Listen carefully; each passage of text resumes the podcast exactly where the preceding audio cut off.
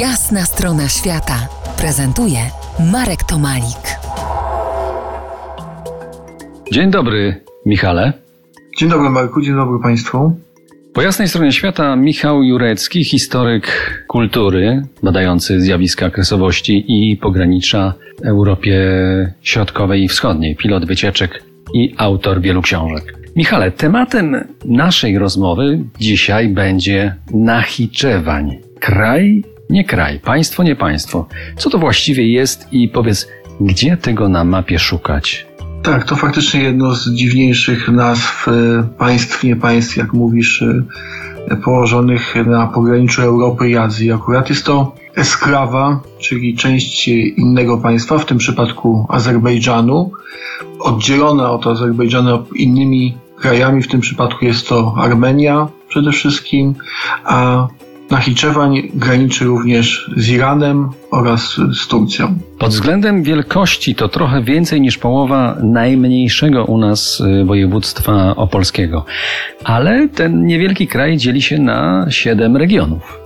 Tak, to dość e, kieszonkowa sprawa. Cały Nachiczewań jest niewielkim regionem, e, podzielonym, jak mówisz, na, na kilka e, mniejszych regionów, aczkolwiek jest to podział stricte administracyjny. Nachiczewań jako kraina historyczna, administracyjna jest dość zwarty i od wieków właściwie jego granice są zbieżne z tym, które obecnie reprezentuje. Nachiczewańska Republika Autonomiczna graniczy z Turcją, o ile dobrze pamiętam, Armenią i Iranem.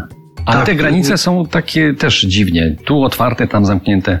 Tak, dla, dla samych y, na, nachi, Nachiczewańczyków, czyli po prostu Azerów z Nachiczewanu, najważniejszym połączeniem jest y, to najmniejsze, czyli 15-kilometrowy korytarz, można powiedzieć, łączący Nachiczewań z Turcją. I nie zapominajmy, że Azerowie to należą do tej wielkiej rodziny ludów tureckich, stąd do Turków jest im stosunkowo blisko. W czasach y, wojny azersko-ormiańskiej to właśnie odbudowany most graniczny między Nachiczewaniem Nachičewaniem a Turcją e, dał temuż regionowi e, dość duży spokój i e, gospodarczy rozkwit już w czasach powojennych. Natomiast granica z, z Iranem jest granicą najdłuższą. Biegnie ona w dużym stopniu doliną rzeki Araks.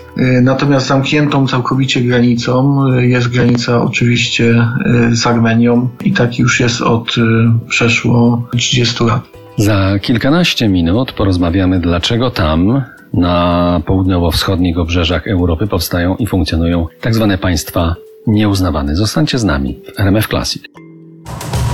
To jest jasna strona świata w RMF Classic.